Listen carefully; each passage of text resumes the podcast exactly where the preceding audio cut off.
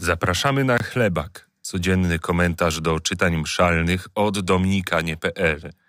Dzisiaj usłyszysz Pawła Dąbrowskiego z Poznania i Marcina Ruteckiego z Korbielowa. Z pierwszego listu świętego Pawła Apostoła do Tesaloniczan. Nie potrzeba wam, bracia, pisać o czasach i chwilach. Sami bowiem dokładnie wiecie, że dzień pański przyjdzie tak jak złodziej w nocy. Kiedy bowiem będą mówić pokój i bezpieczeństwo, tak niespodzianie przyjdzie na nich zagłada, jak bóle na brzemienną, i nie umkną. Ale wy, bracia, nie jesteście w ciemnościach, aby ów dzień miał was zaskoczyć jak złodziej. Wszyscy bowiem jesteście synami światłości i synami dnia. Nie jesteście synami nocy ani ciemności.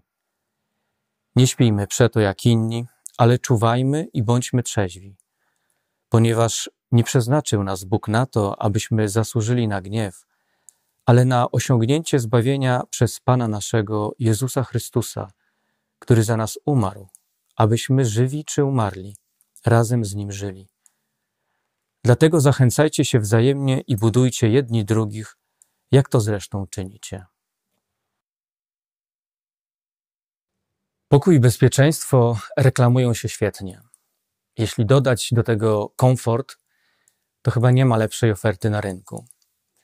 Dlatego wielu jest takich, którzy codziennie sprzedają nam właśnie pokój i bezpieczeństwo pod postacią różnych produktów lub usług.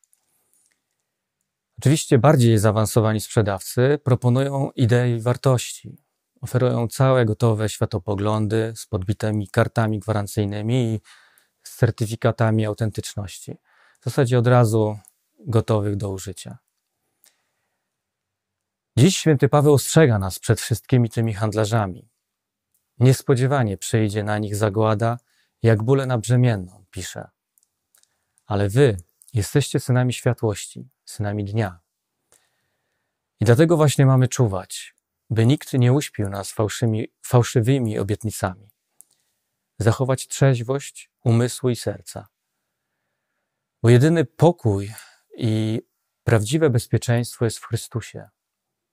Nasze chrześcijańskie życie, właśnie na mocy chrztu, jest zanurzone w Jezusie, w misterium Jego zbawczej śmierci i zmartwychwstania. Nie ma dla nas innej nadziei, innego pokoju i innego bezpieczeństwa.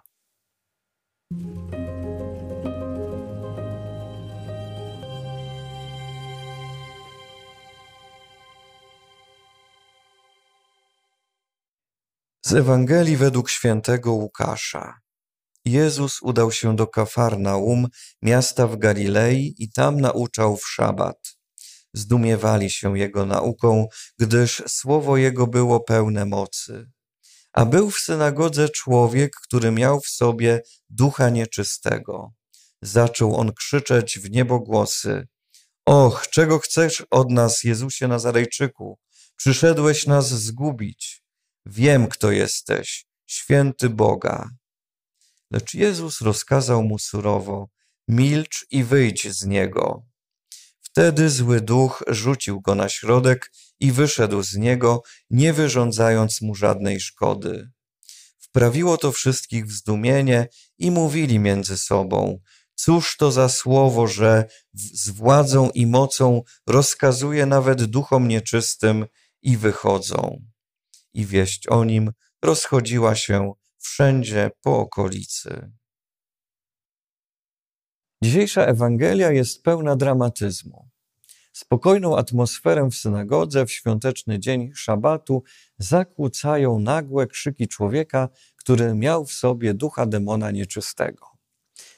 Opisując ten pierwszy z egzorcyzmów Jezusa, Łukasz podkreśla, że demon był nieczysty, by czytelnicy Ewangelii, którzy nie byli Żydami, przypadkiem nie pomylili go i nie utożsamiali z jakimś bóstwem.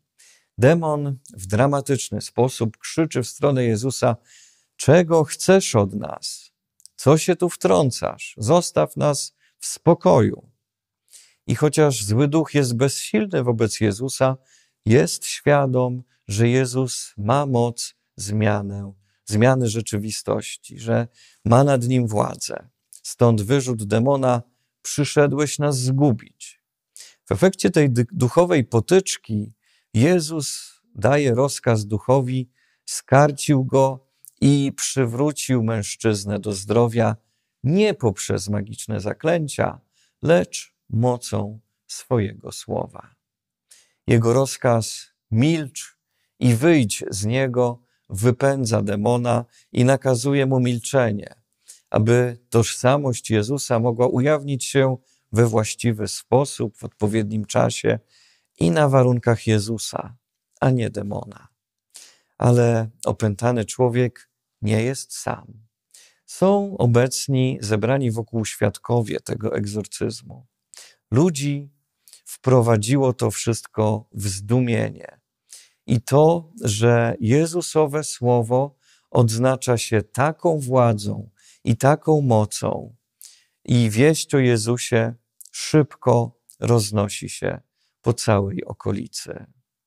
Przed zebranymi w synagodze Jezus staje jako Pan świata duchowego, nad którym zwykły człowiek nie ma władzy, ponieważ wieść o tym wydarzeniu rozchodzi się po okolicy lotem błyskawicy.